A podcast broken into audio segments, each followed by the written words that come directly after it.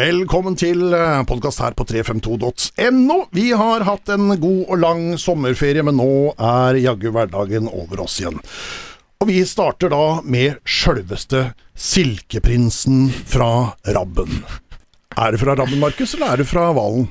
Jeg er fra Rabben. Det er fra Rabben? Ja, ja. Så Silkeprinsen fra Rabben, det, det passer? Jeg vet ikke helt hva silkeprinsen betyr, men uh, ja, jeg er fra Rabben i hvert fall. Ja, altså, det, det Silketouch uh, til Markus Kaasa. Altså, Ja. det er jo det, det, Du er jo silkeprins. Takk skal du ha. Så, Jeg bruker jo det ofte når jeg jobber på Radio Grenland, når vi har fotballsendinger og sånt òg. ja. Og hvis du har gjort det bra, har en god assist eller en god pasning eller skårer et mål, ja, da er det Silkeprinsen fra Rabben med en gang. ja, det fint navn, det. Ja. Ja. Og det er jo sånn at øh, jeg har bedt om selfie med én kjendis i hele mitt liv, og det er deg, Markus. Det er den eneste, eneste jeg har, øh, har selfie med, det er deg. Ja, det er hyggelig. Ja, jeg har faktisk selfie med noen andre også, men de har ofte noen andre spurt om bli med på bildet. Kan ikke jeg ta bilde sammen, Rakim? Men, øh, Ja, det er stort. men det er bare deg jeg har spurt gjennom tidene. Og jeg øh, hadde litt lyst til å spørre Drillo, men det, det, Jeg ble-. Nei, så, så hadde jeg fra Markus Kaasa på forhånd, så da var det greit. Så jeg har runda på en måte selfier. Så det, du er den eneste, Markus. Og det er jo fordi at jeg har jo kjent deg omtrent uh, I hvert fall halve livet ditt, kanskje mer også. Ja, det blir vel det nå. Ja, Mm. altså du, Fra du var sånn typ tolv eller noe sånt, det var første gang jeg ble kjent med deg, tror jeg. Ja. Så det, oss på Heistad, vet du. På Heistad. På Heistad. Stedet. Du har bare bodd på Heistad hele livet? Du Det tri jeg. trives tydeligvis? Nei. Du Selvfølgelig, trives? selvfølgelig gjør jeg det. Ja. Jeg, har jeg har ikke tenkt på å flytte derfra, så jeg har det veldig godt der. Ja. Mm. For nå har du eh, ordentlig eh, kjøpt deg kåk og greier. Ja, jeg kjøpte vel eh, Det var vel i fjor. Kjøpte jeg meg en ny tomannsbolig som Ja, veldig fornøyd. Ja, altså, ny og ny. Ny og ny, ja. Du har bodd der før? Ja, jeg bodde der med mamma og stefaren min da Når jeg var yngre. Bodde vel der i syv-åtte år. Og koste meg veldig der. Og så kom jo det ut for salg, så da hadde jeg bare lyst på det, egentlig. Ja. Det var ikke noe valg, du måtte ha den. Jeg måtte ha den. Stemmer det at fremdeles så er høydemåla dine på den ene lista der inne? Ja, det var vel på visninga der, så gikk jeg til Det er sånn dørkarm. Så skulle jeg sjekke, da. men Vi hadde jo målt alltid opp, så måtte jeg kikke en del nedover. Jeg var ikke så veldig høy på den tida. Der sto det Markus der, så det var jo også gøy. Ja. Mm. Eh, Var Marius med på det også, eller? Var han målt der, broren din? Nei, han var såpass eh, gammel at han ikke bodde Han var vel ute i Oslo, Tigerstaden eller et eller annet. Ja. Mm. For det må jo være så ærlig å si at det var litt høydeforskjell på dere når dere var mindre? Ja, det var det. Så han er jo ganske stor. Vi vet ikke helt hvor han har fått det fra. Nei? Men, uh, Jeg, men uh, Og jeg var jo veldig liten veldig lenge, så det var stor forskjell på oss. ja, det var veldig stor forskjell. Mm. Altså du på halvannen meter og han på to meter. Ja, Det var ganske stor forskjell. det var det. Markus, eh, velkommen til 352.no. Vi har jo hatt eh, flere av kompisene dine her sånn. Eh, Hvordan syns du vi har behandla Odin og Tobias og de andre som har vært her? Nei, jeg syns du har vært veldig flink. Ja. Det er veldig rart å høre på de prate litt sånn seriøst, som de sikkert syns det er med meg nå, så det er bare gøy. Og så må vi jo være så ærlig at eh, du har jo vært med oss å mm, gi en del tips til meg eh, om både Odin og Tobias eh, når de var her, sånn at de ble litt flaue når de satt her. Kanskje. Jeg skulle jo være anonym, men eh, Ja, du var jo det, helt til nå. ja. ja Eh, jeg, har hjulpet deg. er du redd for at du har fått veldig mye tilbake nå? Jeg tror vel det kommer et eller annet, så det er vel fortjent òg. Ja. Vi skal starte, vi, Markus, med å prate om, eh, om fotballen som spilles nå om dagen. Én seier for Odd på siste fem kamper. Hva Ja. er det som har skjedd? Nei, det har jo vært en uh, litt tøff periode der vi ikke har fått med nok poeng og gått på noen stygge tap. Og det er selvfølgelig tøft, og ja det, Vi har spilt noen gode kamper som vi ikke har vunnet, og så har det vært noen veldig dårlige kamper som eh, ikke er bra nok. Og vi prøver jo å trene på feltet hver dag for å unngå sånne ting, og vi føler at eh, toppnivået vårt er veldig høyt, som vi viser mange kamper. Og vi ønsker å være der hver helg. Og man må jobbe for det. Så ja, håper eh, vi kan allerede på søndag opp og krige og kanskje få med noen poeng. Ja, for, for sesongen uh, har jo e- i utgangspunktet, fram til nå midt på sommeren uh, utover, litt over høsten, så så det ganske bra ut. Ja, vi har jo liksom ligget litt oppe i toppen der, eller veldig kort vei opp, og spilt mange gode kamper. Var en god flyt, og så har vi jo mista veldig mange viktige spillere òg, som endrer jo på ting. Så nå har vi fått inn litt nytt òg, så håper de kan bidra. Mm. Er årsaken kun at Bakenga er borte? Selvfølgelig. Bakenga var jo en veldig god spiller som uh, kunne gjøre litt ting på egen hånd. Uh, når vi ofte lå litt lavt, som vi har en taktikk om, som hadde vi han som vi kunne spille bakrom, som var rask, og så selvfølgelig så var det viktig. Men uh, når han har gått, så har vi andre gode spillere som vi må klare å gjøre gode. Og Sånn som Tobias er en kjempegod spiller, så må vi, vi må kanskje spille på et annet register da, enn måten vi spilte på med Bakenga, så det er jo, er jo litt en overgang. Ja, for det er ganske forskjellige typer, spilletyper. Med, med Bakenga sitt presspill eh, som førsteforsvarer, og ikke minst bakgrunnstrusselen som, som, lå i Bakenga, i forhold til Tobias, som er god i oppspillspunkt og link-spilleren. Mm. Det er det. Så det handler også for oss om hvordan skal vi gjøre Tobias best mulig, og det er jo han er veldig god i boksen. Veldig god Selv om han er to meter høy, så er han veldig god med beina, og veldig god i oppspillsfaten, som vi må kanskje bli enda bedre på å utnytte, da. Ved å spille av press og skape overtall, så vi må jobbe med det òg. Hvem skal presse bakrom i Odd nå? Um, det er ikke sånn at Tobias uh, er Han er egentlig ganske kjapp og veldig god timing i bevegelsene, så han òg kan brukes der. Mm. Uh, det er kanskje litt med at han er så høy og man tenker at ikke man gjør det, men uh, selvfølgelig må vi bli flinkere på å bruke han der òg. Mm. For, for, hvis man bruker kantspillere som Kristoffer Larsen og Sander Svendsen, som begge er glad i å få ball på fot og gå med ball innover, mm. eh, og presser veldig lite bakrom, mm.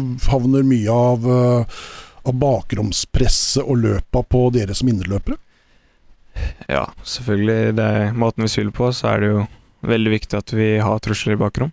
Eh, enten om det er kant, spiss eller indreløper. Og det vi prøver på, er jo at vi skal få fram det beste i hver enkelt spiller. Og når vi bruker ja, sånn som Larsen og Sander, så er de veldig gode med ballen i beina. Og vi ønsker å kunne utnytte det. Og da er det viktig at uh, meg og Josh tar jobben da, og går i bakrom, skaper rom, får flytta litt på forsvaret deres. Ja. Hvordan syns du det har funka sist, da? Nei, vi Vi har jo prøvd Jeg syns vi spilte egentlig en god kamp. Det var vel mot Haugesund. Spilte en veldig god kamp. Eh, og så husker jeg ikke helt hvem vi har spilt mot etter det.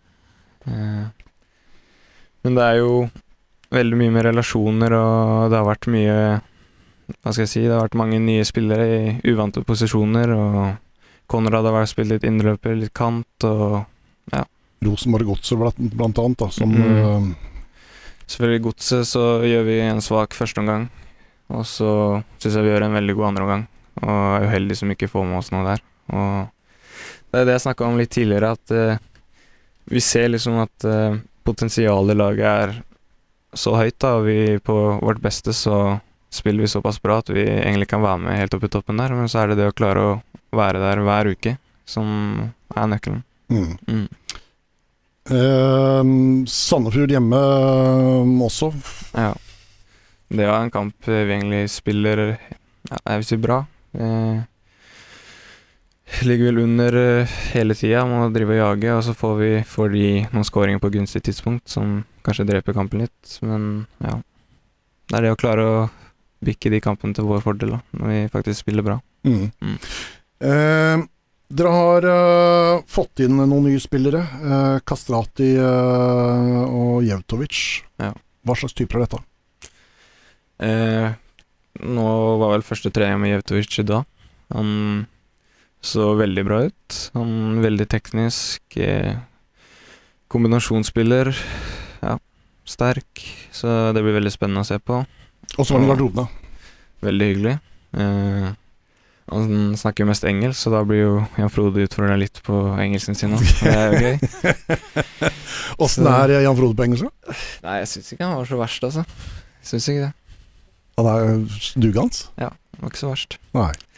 Så har vi jo Kastrati, da, som eh, vet jo hva vi får han. Det er trøkk og ofre alt for laget, og det er jo også noe vi har mangla i laget, syns jeg. Eh, den gløden. I hvert fall på bortebane, der vi faktisk må ta på hanska og fighte skikkelig for å få med ett poeng, bare. For det er vanskelig. Og så, ja, så er det jo veldig godt å få Sander tilbake. Mm. Mm. Ja, Sander er tilbake. Mm. Uh, og det er uh, ja, Bodø-Glimt nå til helga. Ja. Der oppe. Hvordan blir det?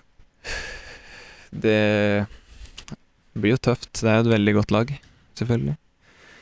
Eh, de spiller veldig bra fotball, men samtidig så kjenner vi de veldig godt.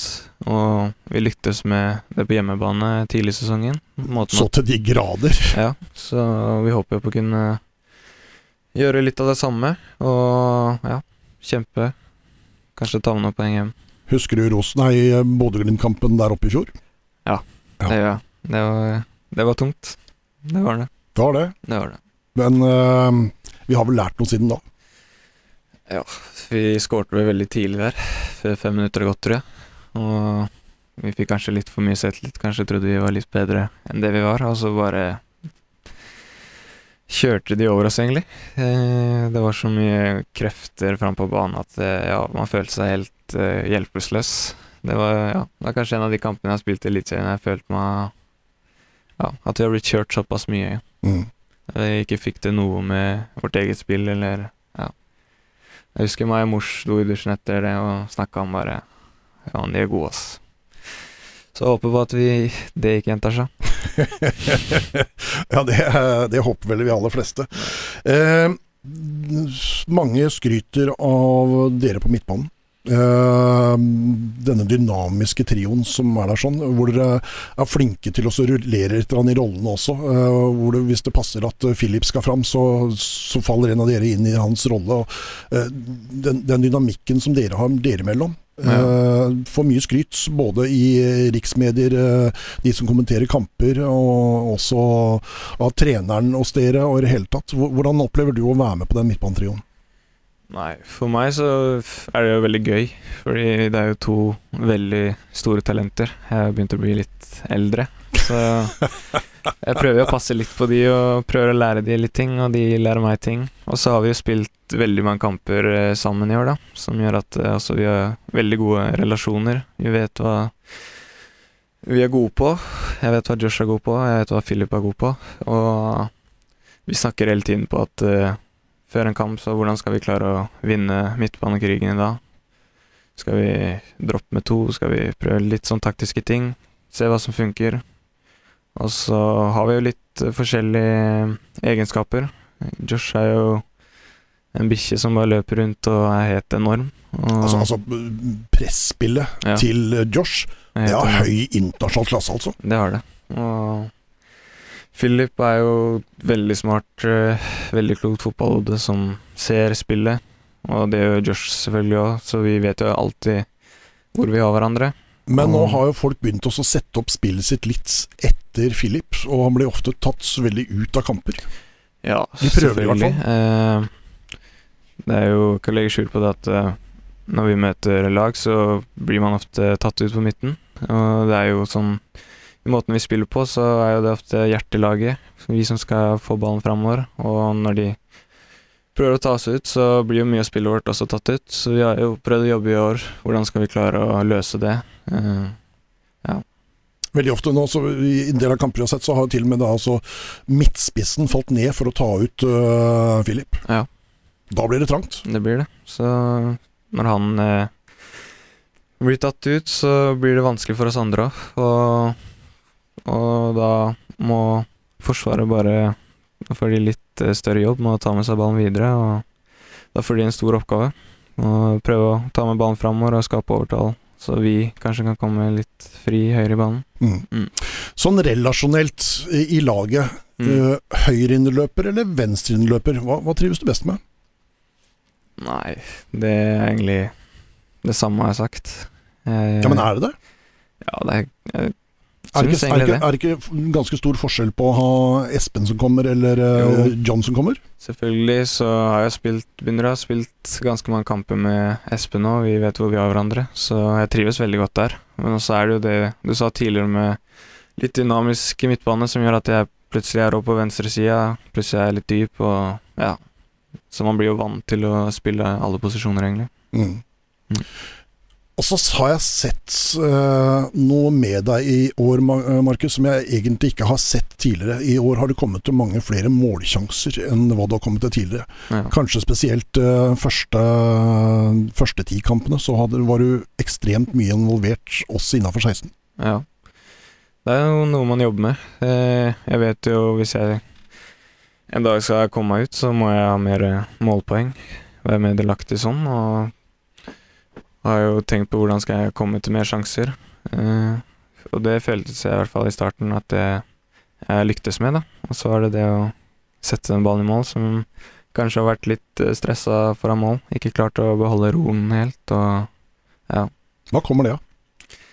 Nei, det er jo Jeg har jo spilt uh, mange år som jeg kanskje ikke har hatt så mange sjanser, og med en gang jeg kommer, kommer foran mål, så blir man kanskje litt stressa. Jeg kommer i en posisjon jeg ikke har vært i så mye. Eh, og selvfølgelig så må det jobbes med òg, og håper på at eh, når jeg helst har fått skåret noen flere mål, at det løsner skikkelig, og, og bare pøser i med mål. Bare pøser? Ja. Vet du hva, Markus, det hadde vært fryktelig morsomt å bare sett Du pøsa inn med mål. Eh, tre målpoeng i år. To Mm. assister og én scoring. Mm. Det er for lite. Ja, det er altfor lite. Det vet jeg jo selv òg. Og Og spesielt en type som deg, da, som, Ja. som, som har de kreative evnene som du har. mm, Så da er jeg litt overraska at ikke det kommer mer. ja. Nei, jeg vet jo det. Og det er ikke noe annet å si på det, egentlig. Det er for lite, og eneste man kan gjøre noe med det på, er jo å trene. Og ja. Hvordan, hvordan jobber dere med det mm, på feltet, dere? Nei, som Eller, siste eller må du jobbe med det alene? Det er jo mye aleine, og så er det ikke sånn at jeg ikke har eh, trent mye skudd og sånn gjennom oppveksten. Eh, Det veit Det er jo fort eh, Det er jo ganske annerledes når du er i kamp og du får press, og det er en helt annen situasjon. Og det er kanskje den situasjonen jeg ikke har vært så mye i. Så det blir mye på når vi spiller på trening og å komme til de posisjonene, da. Og kanskje skyte litt mer enn jeg har gjort tidligere. Fordi jeg har hatt en tendens til å alltid lete etter kamerater. Mm, jeg vet. Så jeg vil, Og det er du god på. jeg vil helst eh, Ja. Jeg er veldig glad i å gi målgivende, så Ja. jeg syns egentlig det er bedre enn å score sjøl. Ja, Ja, for det er et eller annet på at du ser de der korridorene som uh, veldig få andre ser. Hvordan, hvordan ser du det i, i en kamp? At å ja, se der åpner det seg. Der kommer det til å åpne seg. Der kan jeg spille ballen. Nei, det er vel mest uh, fra tidligere, egentlig. Det er vel sånn spiller jeg egentlig alltid har vært fra jeg var liten av. Har aldri vært den største, eller eh, Så jeg må liksom finne på andre ting til ting enn å drive og drible og sånt. Så da har jeg kanskje utvikla den delen av spillet bedre enn andre. Og det tar jeg med meg videre nå. Hva blir neste steget for deg nå? Som, som, du, som du jobber med, og som du ønsker å bli bedre på, bortsett fra så skåre mer mål og gi flere assister? Um, det er jo det Ja, det du sa. Skåre mål, være mer delaktig. Eh, jeg synes at uh, jeg har vært stabil sånn generelt i spillet, med å plusse på målpoeng da, så kan det bli bra, tror jeg. Mm. Mm.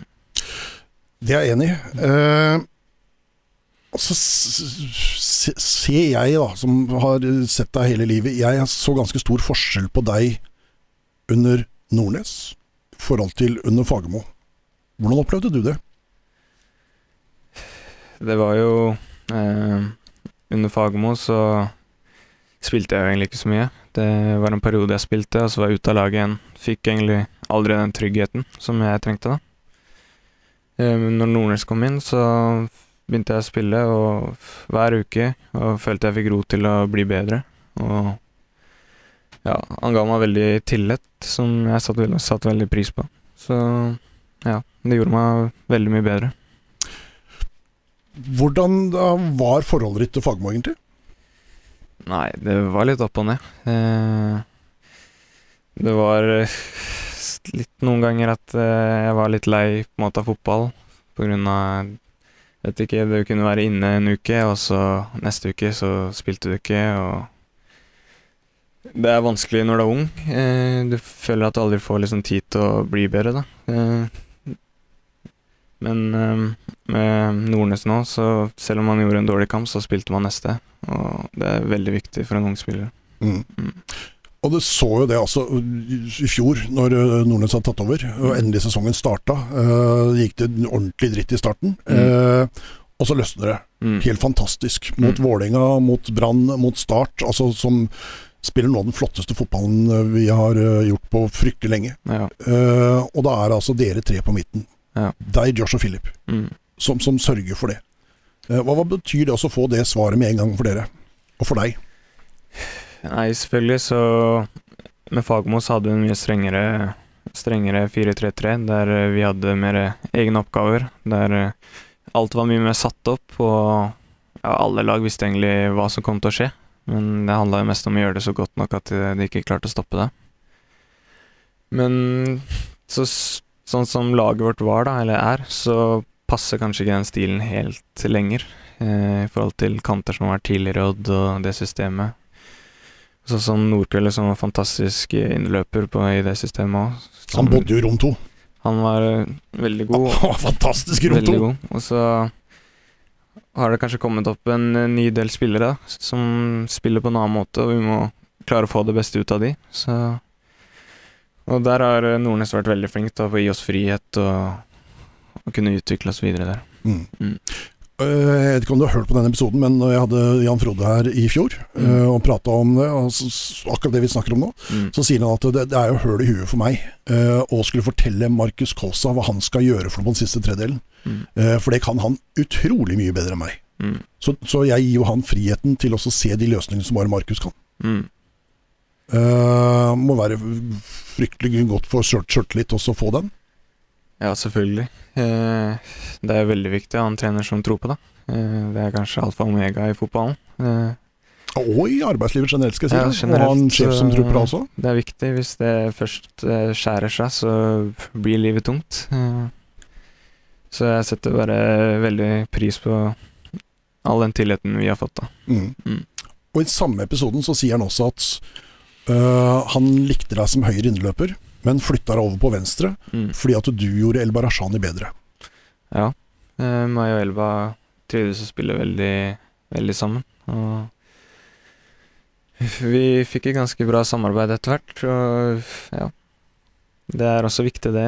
En del av fotballen. Det er relasjoner. Hvordan du setter sammen laget ditt. Hvis to spillere funker bra sammen, så er det jo selvfølgelig Sett de sammen. Mm. Mm. Det er derfor jeg har deg tilbake på høyre, da, vet du. Det er sant. Eh, og så er det noe med bursdagen din. 15. juli. Ja, Du scorer alltid når det er Ja. bursdag, eller rett etter bursdag. det er sant, det. Både i fjor og i år. Ja. Hva er greia med det, da? Jeg har ikke noe godt svar på det. Jeg vet ikke om det er kaka til bursdagen som gjør det, eller om må begynne å spise med kake. Ja. Ja. Eh, Matchvinner i fjor Ja. mot Brann. Mm. Og så mm, viktige førstemålet mot Viking i år eh, rett før pause. Ja. Ordentlig goalgetterskåring. ja. Nei, Jeg har ikke noe godt svar på det. Det har sikkert eh, kanskje enda mer lyst, da. Ja. Eller, bør- eller må vi begynne med kake oftere? Jeg kan være med på det. Hva slags kake er det vi spiser da? Jeg- brownies er jeg glad i. Brownies? Toro brownies. Da må vi sende, eh, si til Helene at uh, på søndager da må det bli brownies fra Toro. Ja. Skal vi si det? Ja. Ja. Og litt middag. Og litt middag. uh, for dere som ikke vet det, så er Helene er, uh, dama til Markus. Samboeren. Samboeren. Samboeren, ja. Eh, eller trenger du andre ting på en måte som Det er litt sånn spesiell da, bursdaggreier, liksom. Må vi finne på noen andre greier som, som er, du syns er gøy, for at du skal score mer? Som er, hva, hva, er, hva er like gøy som bursdag, liksom? Nei, det vet jeg ikke. Eh, Det er vanskelig å si. Jeg syns det faktisk er gøy å score mål òg, selv om jeg ikke gjør det. Men eh, det er jo en, Ja, du scorer litt, Markus. Ja, det er en motivasjon i seg selv. Det burde være det. Men fast rundt bursdag, altså. Ja. Det er gøy. Ikke noe svar på det.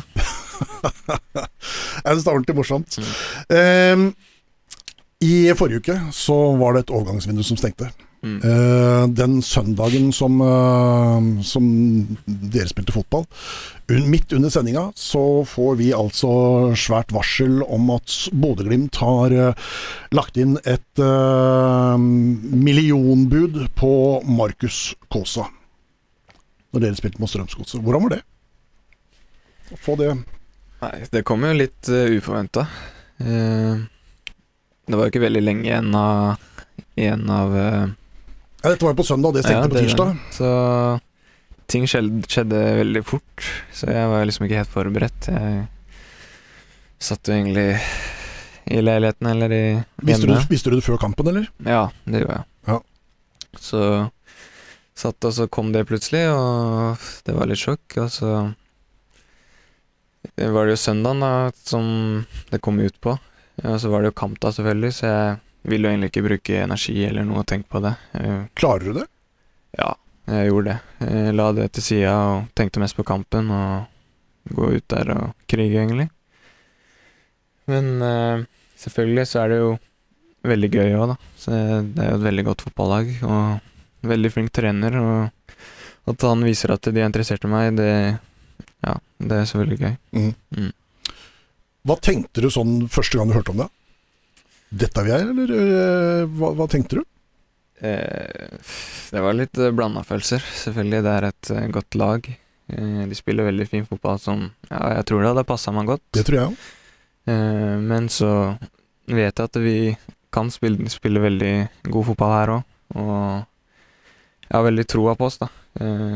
Eh, det å heve bunnivået vårt eh, og levere gode kamper hver søndag, det er det som er målet. Eh, da tror jeg vi også kan bli veldig bra.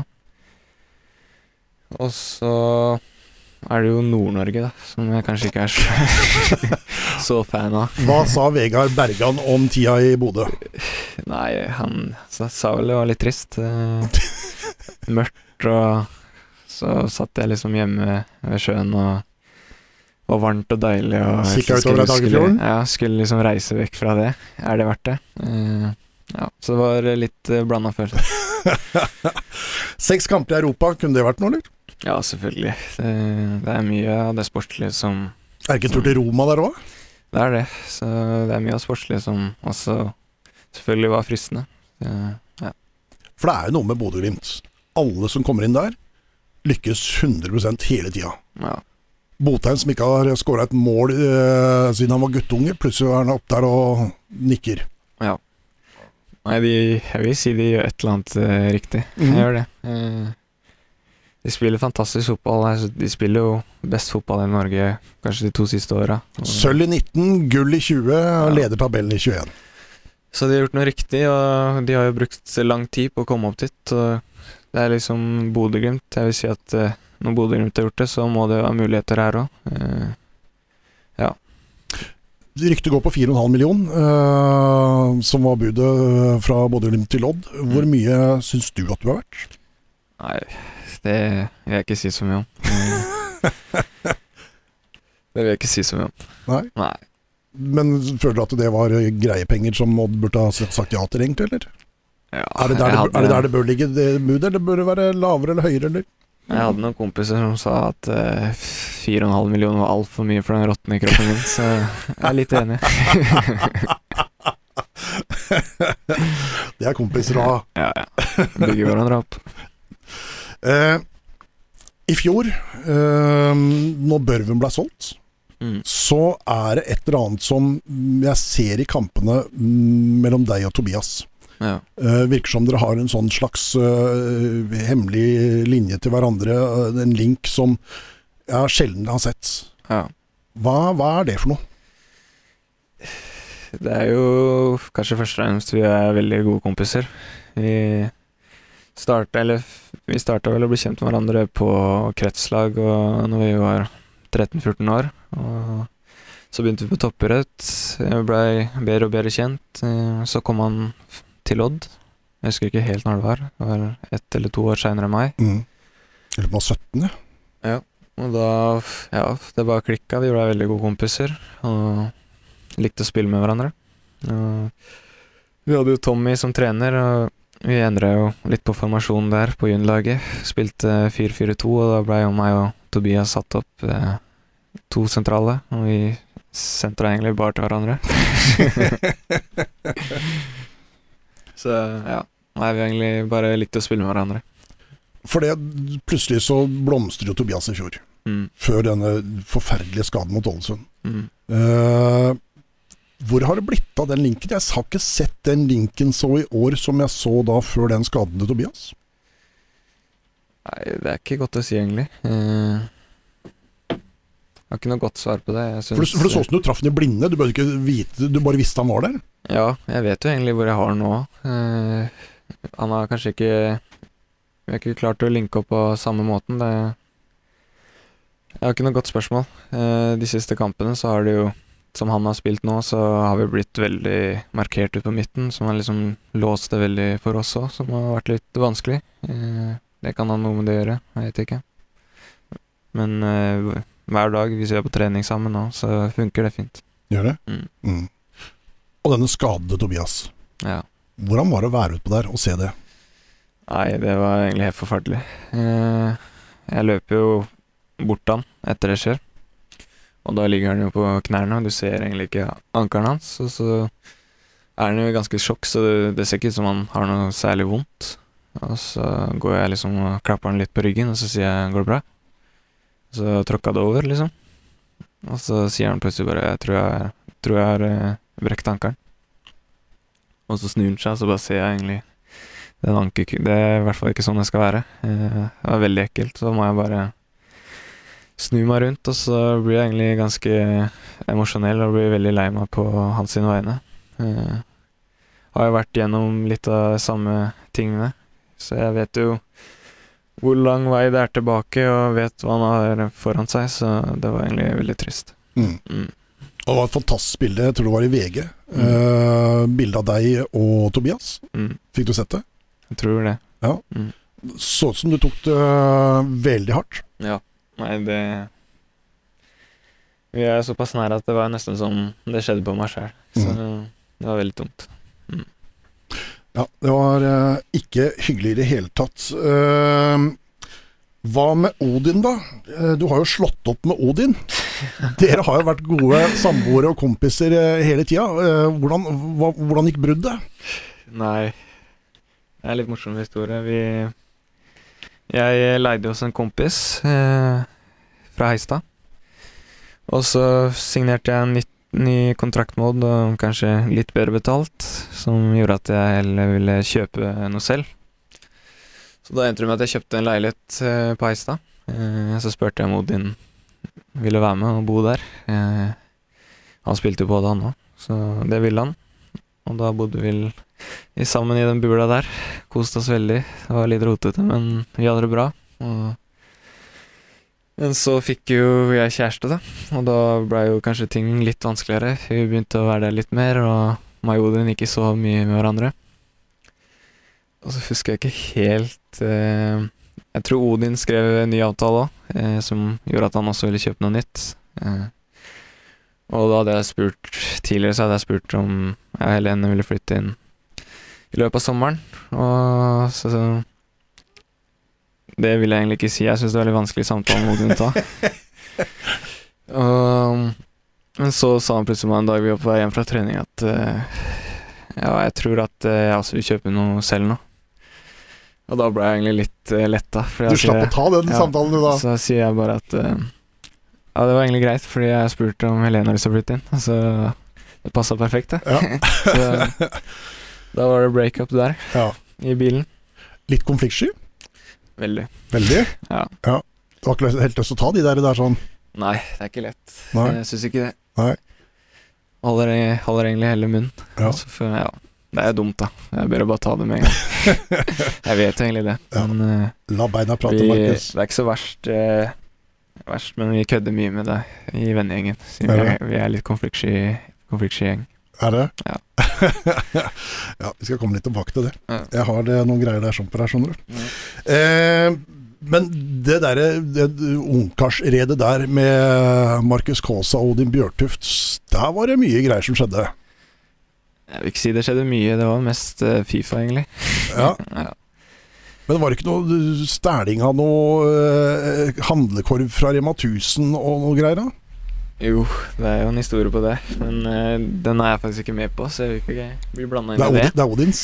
Det er Odins. Ja. Uh, jeg, jeg satt hjemme, og så hadde han og Kan jeg si det hadde navn òg? Han André Sødlund, som også bodde der litt. Mm.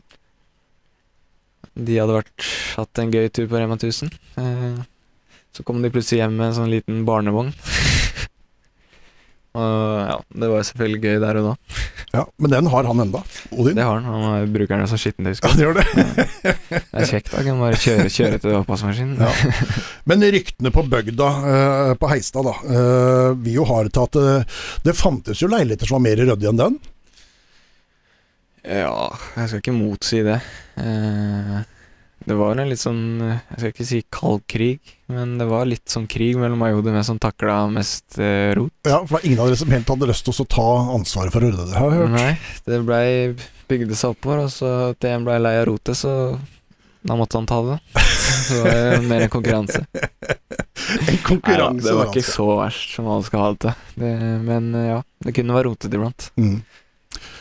Nå er du eh, på Heistad igjen, eh, Mm. men har kjøpt deg hus på Valen. Mm. Uh, som vi snakka om i stad, barndomshjemmet. Uh, fotballinteressen din Ja. har jeg hørt at starta på campinga på Jomfruland. Ja, det var mange timer der. På, jeg husker ikke helt hva det heter. det, Kujordet eller Det blei mange timer der. Mm. Det blei det. Triksing. Det var mye triksing.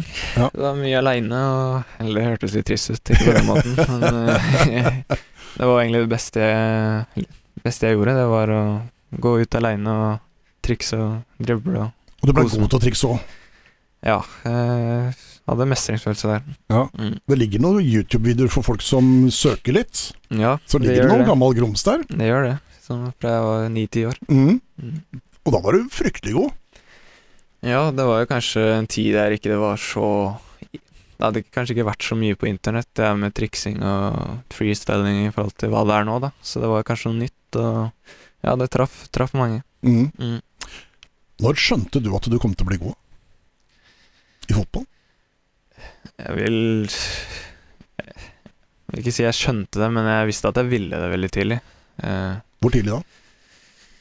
jeg vil egentlig si det helt fra jeg var syv-åtte år. Så har jeg en ganske ivrig pappa òg, som Som også var god. Som også var bra, og veldig ivrig, og veldig ivrig på å følge opp meg. Så uansett vær, så dro vi egentlig på heibanen og trente, fra jeg var bitte liten. Mm. Ja, for pappa var jo god. Altså, Mm. Han kunne vært fryktelig god, men uh, undertunge vil jo ha det til at han søla litt vekk talentet sitt. Uh, fordi han ble pappa fryktelig tidlig, Ja, Eh, så man måtte rett og slett bare ta litt ansvar. ja, det var egentlig greit at han tok litt ansvar òg.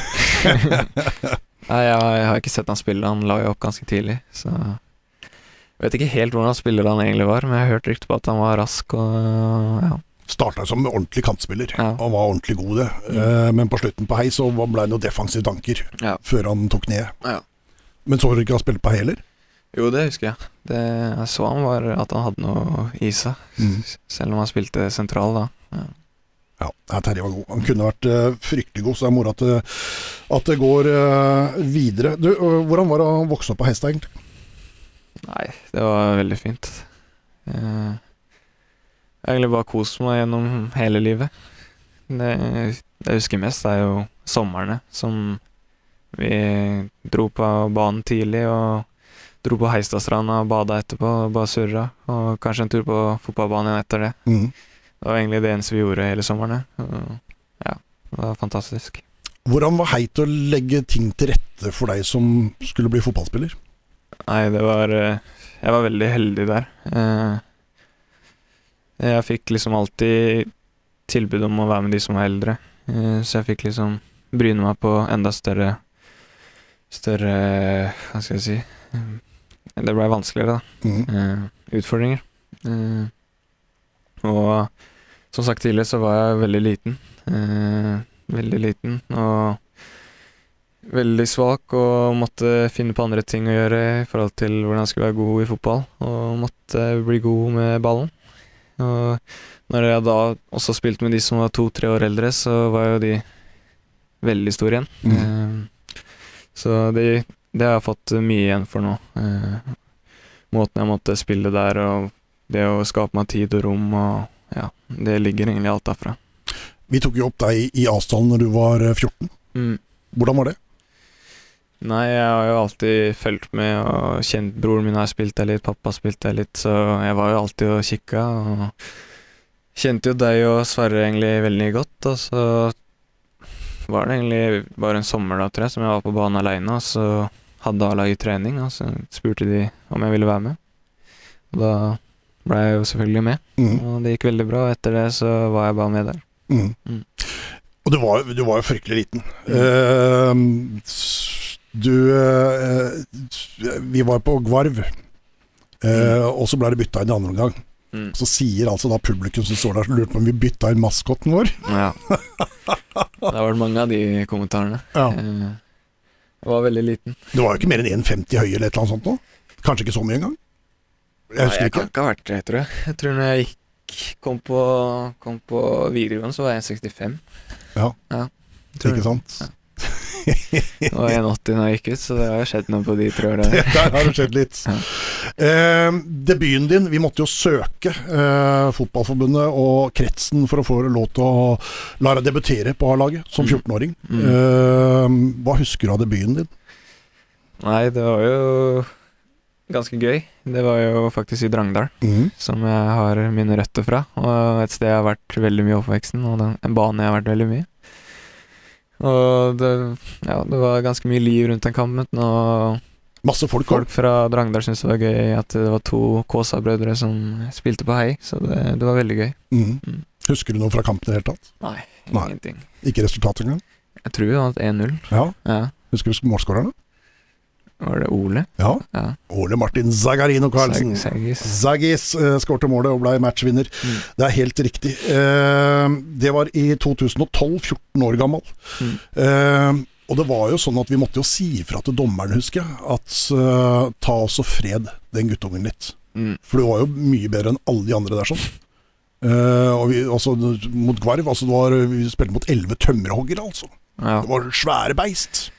Det var noen store gampere der i Ja. Fjellersund på den tida. Det er kanskje blitt bedre nå. Ja. Eh, Men du blei faktisk tatt litt hardt også innimellom. ja eh, Jeg husker ikke så mye av det. Eh, men eh, folk var snille òg. Mm. De syntes det var veldig gøy å spille mot meg, men eh, de syntes ikke det var gøy når de Når de blei litt eh, kjørt. Da, da Det var ikke gøy, tror jeg, for dem. Og 14 år gammel, fast straffeskytter for A-laget til Hei. Ja. Hvordan var det? Nei, det Det var gøy. Mm. Eh, jeg likte jo å score mål. Eh, jeg følte egentlig ikke så mye press på den tida. Eh, det var egentlig bare gøy og moro. Og det var jo selvfølgelig en stor sjanse til å score mål, så det var bare gøy. Husker du hvor mange straffer du tok? Nei, fire-fem kanskje? Fire. Fire? Hvor mange skåra du på? Tre? To. To. Ja. 50 Ja, ja. Men eh, selv om du bomma, så fikk du sjansen neste gang. ja. Sånn var vi. Mm. Du, eh, så har jo altså eh, Som du sa sjøl, du var fryktelig liten. Mm. Og så skjedde det noe. Plutselig så vokser du 15 cm på nær sagt ingenting. Mm. Det hadde konsekvenser for deg, eh, Markus, og kroppen din. Ja, når ting, ting går så fort, så skal jo alt følge med. Eh, vokser, og musklene skal følge med. Og I tillegg så trente jeg enormt hardt. Og tenkte kanskje ikke så mye på at jeg faktisk kroppen jobba veldig mye på at jeg vokste mye òg. Og blei kanskje litt overbelasta i forhold til Fikk mye vondt i lysker og ja. Kunne kanskje vært litt smartere akkurat der. Tatt det litt med, med ro noen ganger, istedenfor alltid bare kjøre på. Kanskje lytta litt til kroppen òg. For du var mye skada på den tida. Det var det. Og Kom du kom liksom i en litt eh, ond sirkel, der du ble skada, og så duppa formen litt, og så trente du hardere, enda hardere, for å liksom komme til den formen du vil være. Men det gjorde egentlig bare at du ble skada på nytt et annet sted, og så, ja. Så det, det var litt vanskelig. Eh, og så var det noe med noen innleggssåler og noe greier også, var det ikke det? Jo, fant jo litt ut at eh, de ikke hadde vokst helt likt de to beina, så det ene var litt lenger. Så fikk jeg bygd opp litt der, og da følte jeg at det løsna litt med i hvert fall de lyskeproblemene og hamstringer og ja. Har du det fremdeles? Nei, bank i bordet, men eh, nå har det vært veldig fint. Nå er beina like lange? Ja, jeg tror det. Det er lenge siden jeg sjekka. Ja, lenge siden du har sjekka. Eh, jeg uh, har én greie uh, som jeg syns var fryktelig vondt. Mm. Det var uh, når Hei rykka opp i tredjedivisjon. Ja. Og så var vi på Skagerrak Arena, møtte Odd 3, Ja. hvor du spilte mot Hei. Ja. Og så blir du matchvinner fem minutter før slutt. Ja. Det var tungt. Hvor. Hei, Hei egentlig hadde kjørt kampen. ja det, det var jo egentlig skrevet litt i skyene, det. Ja. Så det var litt frispark helt på slutten. Det var et frispark. Så mm, Husker du Hvem det? var som var trener da? Var det Reian og Det var ikke Reian. Mm, eh, Det var nei, Sverre, eller? det var uh, Sverre og meg som Mm. var uh, trener. Så selvfølgelig var det gøy. Det er jo Var det det? Det var jo gøy. Eh, Jeg må innrømme det. Det er jo folk og kompiser jeg har spilt med, og er veldig mange gode kompiser av broren min som jeg liksom har spilt på A-laget sammen med, så det var jo litt gøy å senke de òg. Jeg Det var det. det. Det var det. Ja, det var blytungt, syns jeg. Og Sverre. Jeg synes det var blytungt og forferdelig. 2017 så skjedde det mye, Markus. Ja. Da, da, da, da får du debuten din for, uh, for A-laget Odd, Mm. og du får også debuten din i Eliteserien. Ja. Skal vi prate litt om den debuten på A-laget først? Husk, Husker du noe fra det? Du nevnte det litt tidligere, så nå husker jeg det. Det var før vi gikk på lufta, så det vet jo ikke de som sitter og hører på. Nei. Eh, så det var jo på Hybrid, det. Mm. Ja. Og det måtte det nesten være. Ja. Få debuten hjemme på Heibri. ja. Foran eh, mange Heistad-folk, og selvfølgelig var det gøy. Det var altså da den nest mest besøkte kampen i første runde eh, det året. Mm. I april. Jeg tror det var 26. april, hvis ikke husker helt feil. Hvor du får debuten din på Heibri. Mm. Kommer ut i andre omgang og skal spille der sånn. Hvordan var det? Um, det var ikke sånn at jeg hadde Det var jo debuten, og jeg hadde ikke spilt så mye med de gutta som spilte på Odd heller. Eh, så selvfølgelig var det jo litt skummelt da. Eh, Spille med Jone og de du liksom har sett litt opp til når du var litt mindre, da. Så det var en ting. Og så var det en ting at det var på hei, og veldig mange jeg kjente var der. Så det var jo Jeg merka at jeg var nervøs, men samtidig så var det jo bare veldig gøy. Mm. Eh, Det var det. Og deilig at det var den banen som du var så godt kjent på, kanskje, som først skulle gjøre på, eller? Ja. eh, Eller var det motsatt, at det ble litt mer press da? Greier Jeg vil si hadde- det var kanskje mer press, men det hadde ikke vært så gøy ellers enn i forhold til eh, sånn det var. Og den kommer jo alltid til å stå der. Ja, Debuten på A-laget Odd, hjemme på Eistad. Ja. Deilig. Deilig. Og så var det debuten eh, i Eliteserien. Ja. Husker du noe av det? Ja, det eh, Hadde jo Det var vel på høsten en gang. Ja. Eh, jeg hadde vært bra på treninger og sånn tidligere, og i andre, andre divisjon. Så, så var det veldig mye skader, og så ble jeg plutselig kasta inn fra start mot Stabæk. Eh, 5. november. 15. november. 5. november 2017. Og ja, det var eh, endelig få sin debut i Eliteserien. Man hadde jo venta lenge på det. Og så blir det kanskje ikke en så veldig fin debut som det blir, da. Vi taper vel 5-0 og ja. Så var det jo litt blanda følelser etter den debuten. Jeg var glad for å debutere, og så følte jeg at det, Eh, det var et nivå jeg faktisk kunne gjøre noe på. Følte liksom ikke at jeg blei spist opp, eller eh, Jeg følte at jeg hadde noe der å gjøre. Så det var selvfølgelig gøy, og så var det jo kjipt at det skulle bli sånn, da. Og spillebørsen etterpå så var vel du den eneste, tror jeg, som fikk karakteren fire. De andre, alle andre hadde under. Mm. Så det var uh, Odds bestemann, ifølge uh, Fylkesavisen i hvert fall. Mm. Så det var litt moro, det òg. Husker du noe om hvem du spilte med? Jeg tror Hussein, Hussein spilte. Ja. Uh, Ole Berg. Ja, Dere tre var på midten. Broberg. Ja, Han spilte kant. Eh, spiller Steffen må ha spilt, han har ikke gått glipp av det. Selvfølgelig spilte Steffen. Så spilte Clemensen i mål. Ja, Helt riktig. Anders Klemensson. Ja. Eh, jeg husker ikke helt eh, Spilte Ruud, eller? Ja, ja. Og Semb.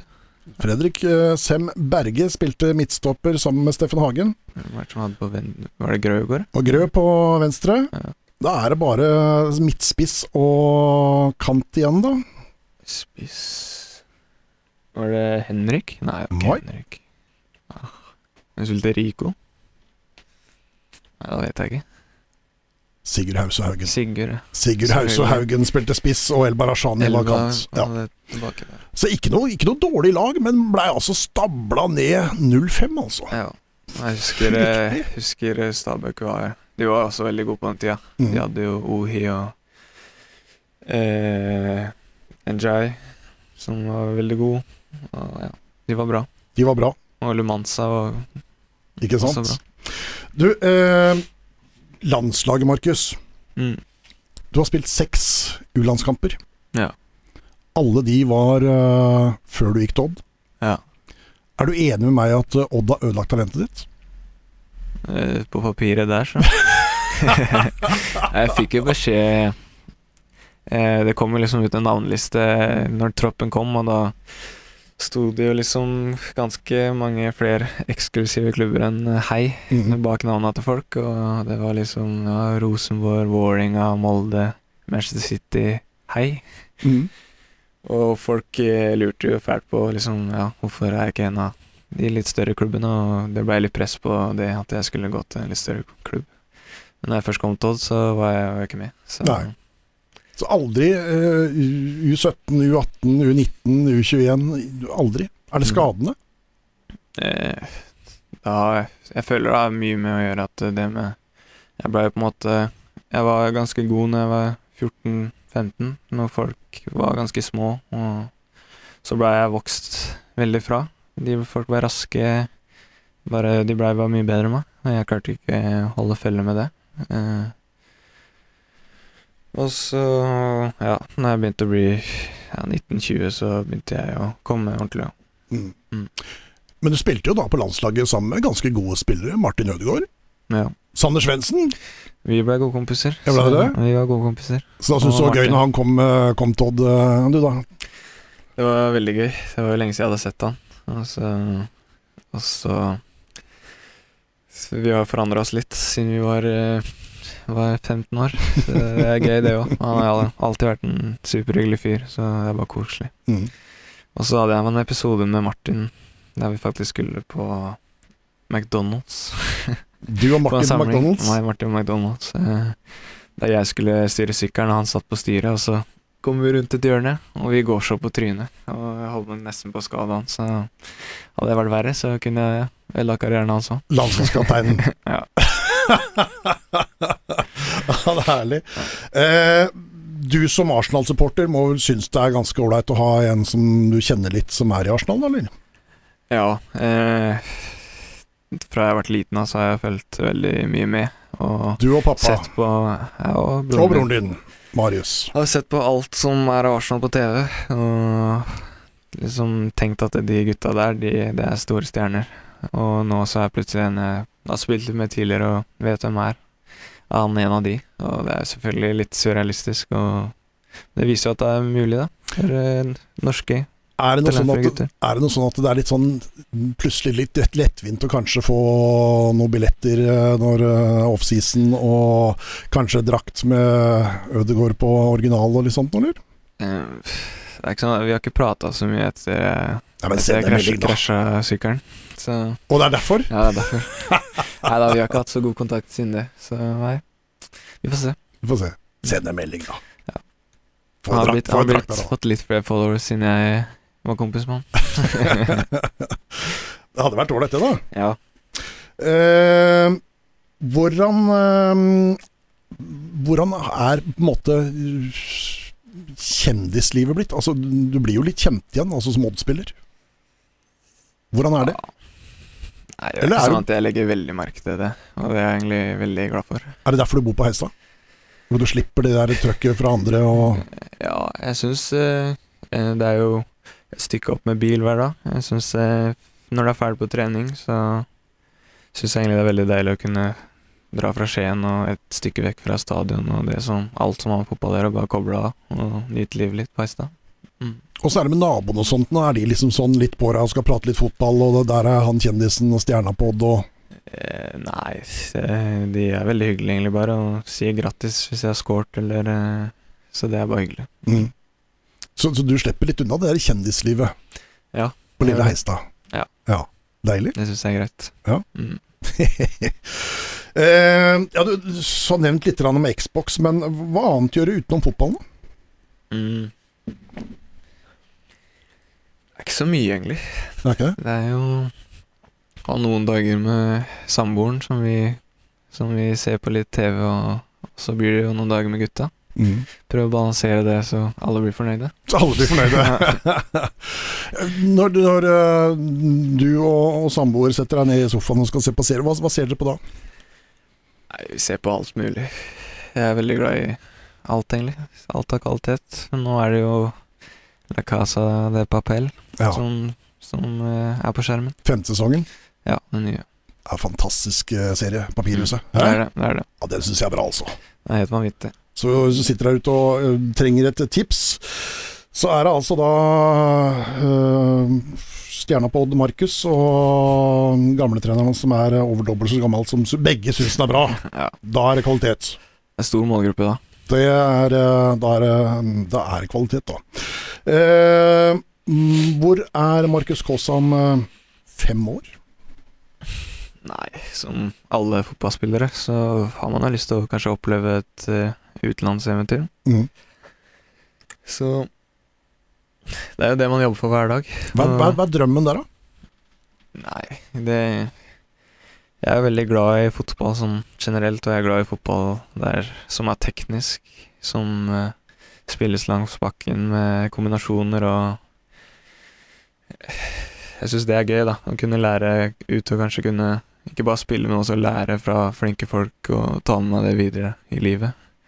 Og kanskje kunne lære det videre igjen. Eh, Det er så som Spania eller eh, sånne ting, så hadde det vært eh, drømmen, da. Mm. Ikke Arsland? Eh, nei. Eller sola i Spania. Sola i Spania? Ja. Ja, Deilig, den kjøper jeg. Ja. Det gleder jeg meg til, Markus. Da skal jeg ringe deg og få billetter. Ja. Og drakt. Ehm, jeg har eh, en liten quiz til deg. Ehm, og så har vi fått noen spørsmål fra Twitter. Og så har jeg jo da selvfølgelig fått en del eh, stikkord som jeg skal si til deg, eh, som jeg har fått av gode venner og familie. Ja. Så det er det vi har igjen nå. Ja. Skal vi starte med quizen? Det er en Marcus Kaasa-quiz, rett og slett. Uh, også det bør være easy-peasy japanesey deg. Sikkert kjempelett. Sikkert kjempelett. Uh, vi kan jo starte med noe enkelt, da. Uh, hvilken fotballspiller har du spilt aller, aller flest kamper sammen med? Det er lett. Det, det blir jo Må jeg bare si Steffen, da. Ja, Hvis det er i forhold til A-laget, eller er det sånn Det er eh, andre alle revisjon? kamper gjennom tidene du har spilt. Odin? Nei, han er på andreplass, bare. Tobias, da? Nei, han er faktisk ganske langt ned. Er Ja, eh, sju. Men det er en som er omtrent i samme alder som deg. som Nei, det er, han også er ganske langt unna, skjønner du. Nå ser det helt stille her. Ja. Han er ikke fra Heistad, men han er fra Brevik. Sondre Mm. Rorsbakk. Sondre Rorsbakk har du spilt aller, aller flest kamper med gjennom tidene. 89 kamper, for å være helt nøyaktig. Mm. Eh, Odin er på andreplass. Bare 80 kamper. Ja. Så vet du det. Men Steffen, da? Steffen er fjerdeplass, 69 kamper. Ja. Espen er på tredje, Espen Ruud, Mm. 76 kamper.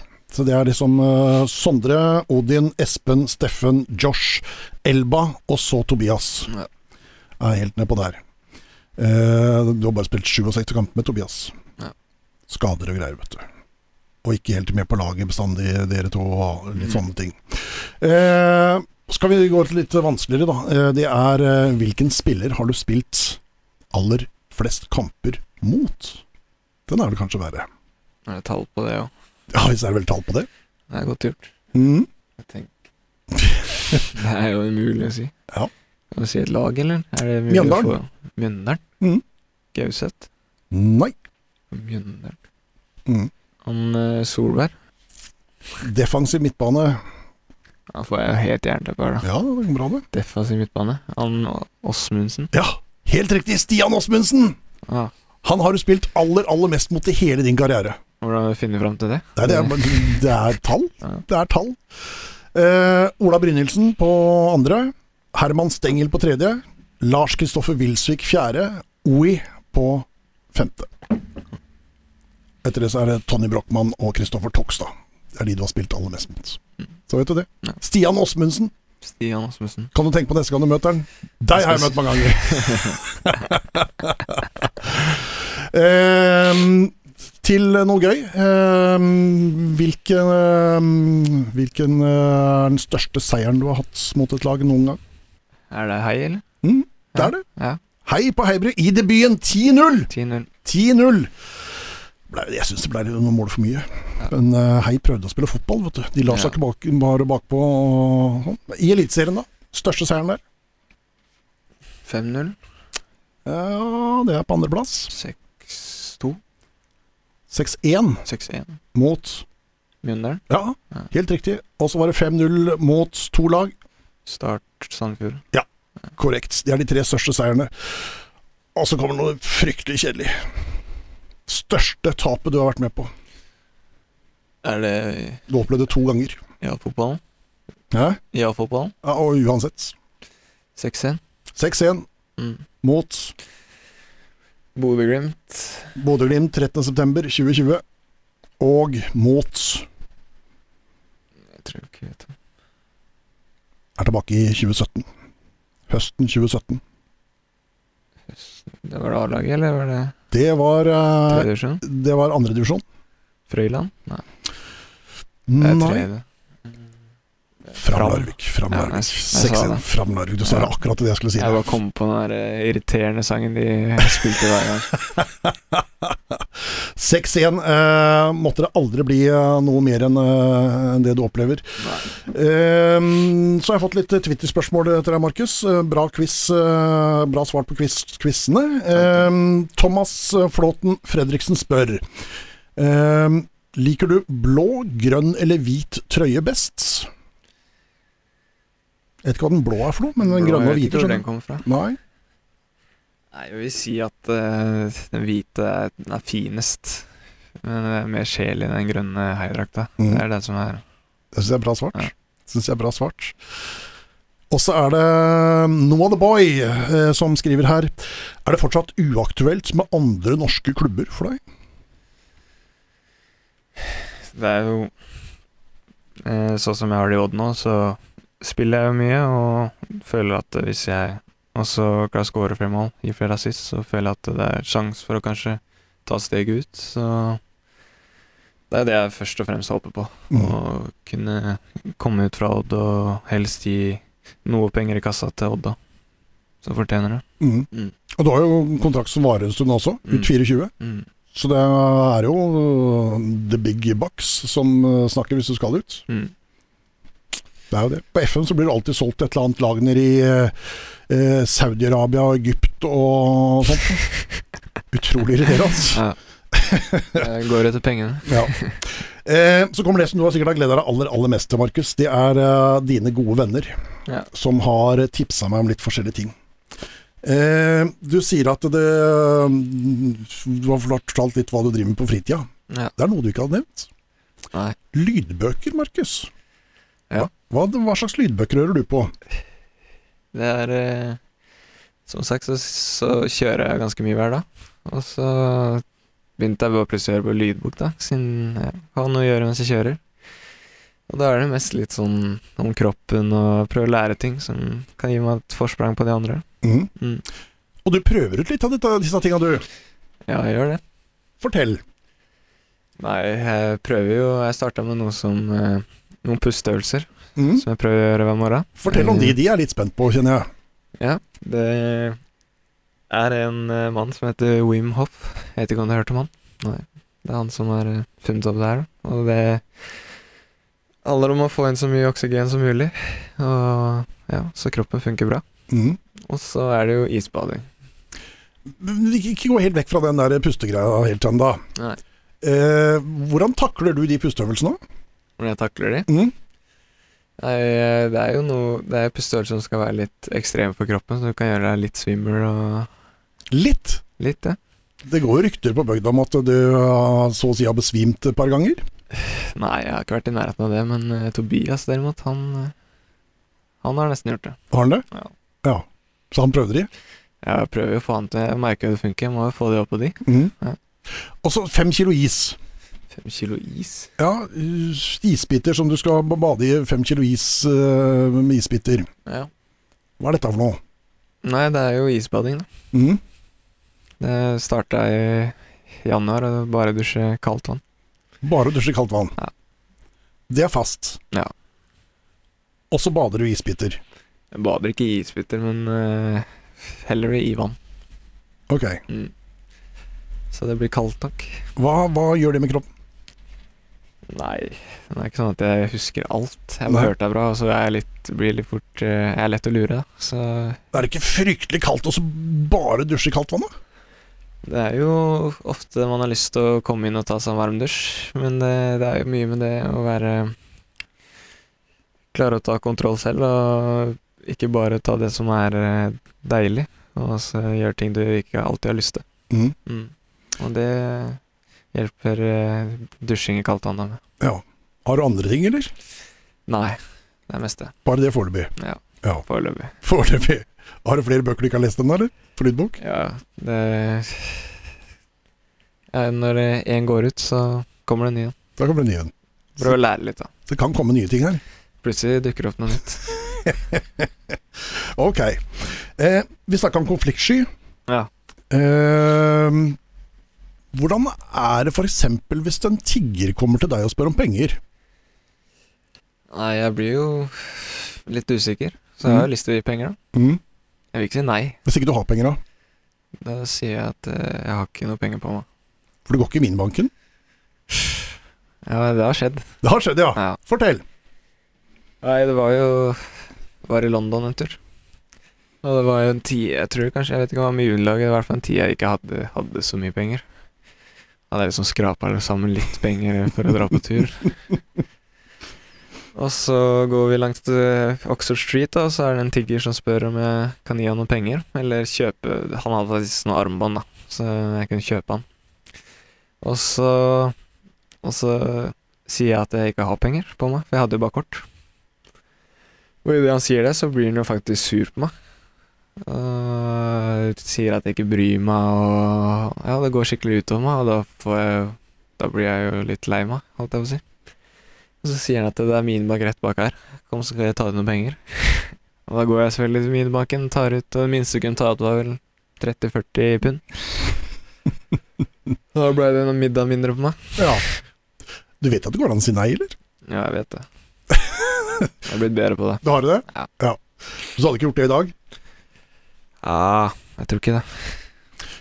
Hva er forholdet ditt til bil? Bil er ikke noe Jeg skal ikke alltid ha det mest fancy eller Nei. Det, Det det, går rykter om at ikke du er så veldig opptatt av fancy biler. Ja. For det er en bil som du har hatt tidligere, Ja. som rett og slett var livsfarlig. Livsfarlig vil jeg ikke si. Det var en liten du, holdt, rallybil. hvor du holdt på å ende både din karriere og Odinses og i det hele tatt. Fortell, hva er dette for noe? Nei, Det var vel den første bilen jeg fikk. En Peugeot, liten Peugeot 206 som eh, jeg hadde fått kjøpt. Den var ikke helt trygg, i hvert fall ikke om vinteren. Og jeg hadde ikke, hadde ikke mange, erfaring, mange år erfaring på baken eller på vinterføre. Så var det ikke ABS-bremse på den bilen, så når jeg først brems, når jeg kanskje kom litt for fort inn i svingen og skulle bremse, så sklei jeg jo alltid rett ut. Og det skjedde noen ganger. Det skjedde noen ganger. Jeg var like heldig hver gang at ikke det kom bil, da. Så det gikk fint. Det gikk fint. Men det er jo et under at Odin eh, og du lever i dag, har jeg hørt rykter om. Eh, ja Vi er heldige. Nei da. Men var det en skikkelig drittbil, eller?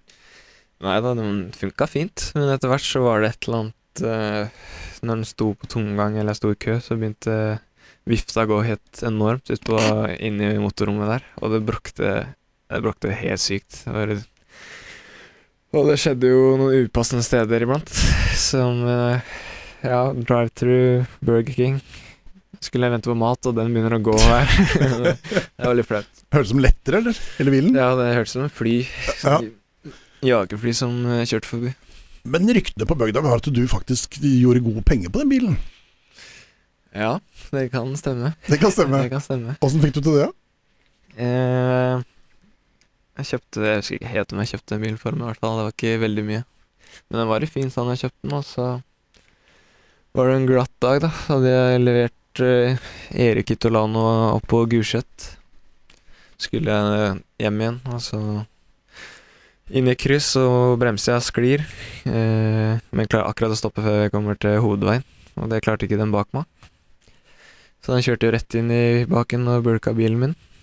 Og da var det kanskje ikke vits å fikse bulken. så det gjorde du penger på. Ja.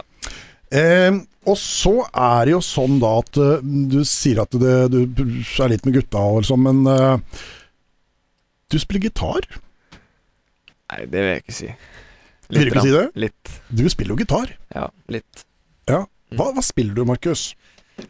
Jeg spiller jo alle de her eh, kjærlighetssangene. Det er kjærlighetssanger. spiller på nach. Ja. Eh, som du Hvem spiller du disse for? Nei, bare meg sjæl. Jeg vil ikke synge for noen. Ok. Nei. Ja, for Ryktene her vil jo ha det til at du eh, Spesialiteten din Mm. er å lage egne romantiske tolkninger av listepop, som du da framfører for Helene. Det stemmer ikke. Stemmer ikke? Gjør ikke det. Gjør ikke? Nei. Ok. Uh, se helt, helt ut av det blå? Hæ? Det, det stemmer ikke i det hele tatt? Nei, ikke som jeg husker eller eh, skjønner nå. Nei. Uh, hvor mange har du opptrådt for med gitar Med gitar og synge? Sånn så jeg aldri synger seriøst for noen. Det har jeg ikke. Det er bare når jeg er hjemme aleine. Ipsnusa? Da spilte jeg ikke gitar. Hva bare sang? var bare sang ja. Hva sang du? You're Beautiful av James Blunt. Ja. Hvor mange som var, var i salen? Det var vel rundt 1000. Når var dette? Tror jeg var eh, syv-åtte år. Syv år. Ah, ja. Syv-åtte år. Jeg var ganske ung. Ja, så det var ikke i forgårs, liksom? Nei, Nei. det var sånn Grand Prix på barneskolen. Ok. Mm. Husker du sangen, eller? Får vi et Eh. utdrag? Eh, jeg skal ikke Du får ikke meg til å synge den her nå, hvis det er det du tror. Det var dårlig, Markus. ja. Men, men, men, men du tar altså ikke listepop og gjør om til romantiske sanger sjøl, på gitaren hjemme? Nei. Som du spiller for Helene? Det er, det er ljug, det som jeg har fått greie på, altså. Ja. Det er ljug. Det er noe Det er noe du finner på, de eh, Ja, de som bare vil meg vondt. Ja. For ryktene er at det er gitarspillinga som gjorde at dere er sammen. Nei, jeg vet egentlig ikke helt. Er ikke det sant, Eh, heller? Jeg kjøpte en uh, gitar eh, etter konfirmasjonen, husker jeg, så begynte jeg å spille litt, og så ble jeg aldri god. Og så eh, ga jeg opp, og så begynte jeg å spille litt igjen, og så ble jeg ganske god. Så jeg har jo kanskje spilt litt gitar noen ganger. Det har jeg. Ja. Og det kan være med å bidra, det. Ja. Det er bra. Eh, og så har vi vært inne på at du var jo relativt liten da, eh, som guttunge. Eh, hvordan eh, syns du det gikk å få tak i ja, f.eks. boksershortser og sånne? Det var ikke lett. Det, og så hadde jeg deg som skulle fikse utstyret. ja, ikke sant? Så når jeg kom, jeg husker en dag jeg kom hjem, jeg hadde fått glede av meg. Vi hadde fått, uh, skulle fått ny, nytt utstyr på Hei, Adidas-tøy. Når jeg kommer, og så henter jeg det fra deg, da, så er det jo altfor stort. Og det er jo den minste størrelsen, selvfølgelig. Så da blir jeg litt lei nå. Eh, det går rykter om at du spilte dine første landskamper i, i Walt Disney-truser. Det stemmer ikke. For det, Ja, det, det, eh, fantes ikke boksere som, som passa til deg, som måtte spille i Disney-truser. Jeg husker det en gang. At jeg hadde en pingvinbokser, ikke truse. En bokser som var kanskje litt Litt for barnslig for en 15-åring som jeg holdt på å pakke med, men eh, vi kasta den. Kasta han. Ja. Eh, på den samme samlinga så var du sammen med Sander Svendsen, som for øvrig hadde helskjegg. ja. det var litt forskjeller. Så ikke Disney-truser, altså. Ikke som jeg husker. Ok. Nei. Men da føler jeg at uh, det var uh, ja, Noe av dette var jo bra, bra fortalt av folk, men så var det noe som ikke stemte, altså. Jeg vet ikke, de hadde kanskje ikke så mye på meg. Nei. Så jeg prøvde bare å pålegge meg et eller annet. Det er mulig, det. Mm. Markus, eh, jeg eh, gleder meg til å se eh, utviklinga, og jeg gleder meg til å se masse målpoeng, eh, for det kommer jo neste år. Ja. Eller, Da kommer det til å bli helt vilt. det er jo lenger igjen av sesongen nå, Det er det. så man må bare ta kamp for kamp og Ja. Selvfølgelig. Selvfølgelig. Ja. Markus eh, Kossa, eh, tusen takk for at du stilte opp her hos oss på 352.no. Takk, takk. Det var hyggelig å se deg igjen nå. Ja, det det var var noen år siden. Det var det. Så det var veldig koselig. Moro, Markus.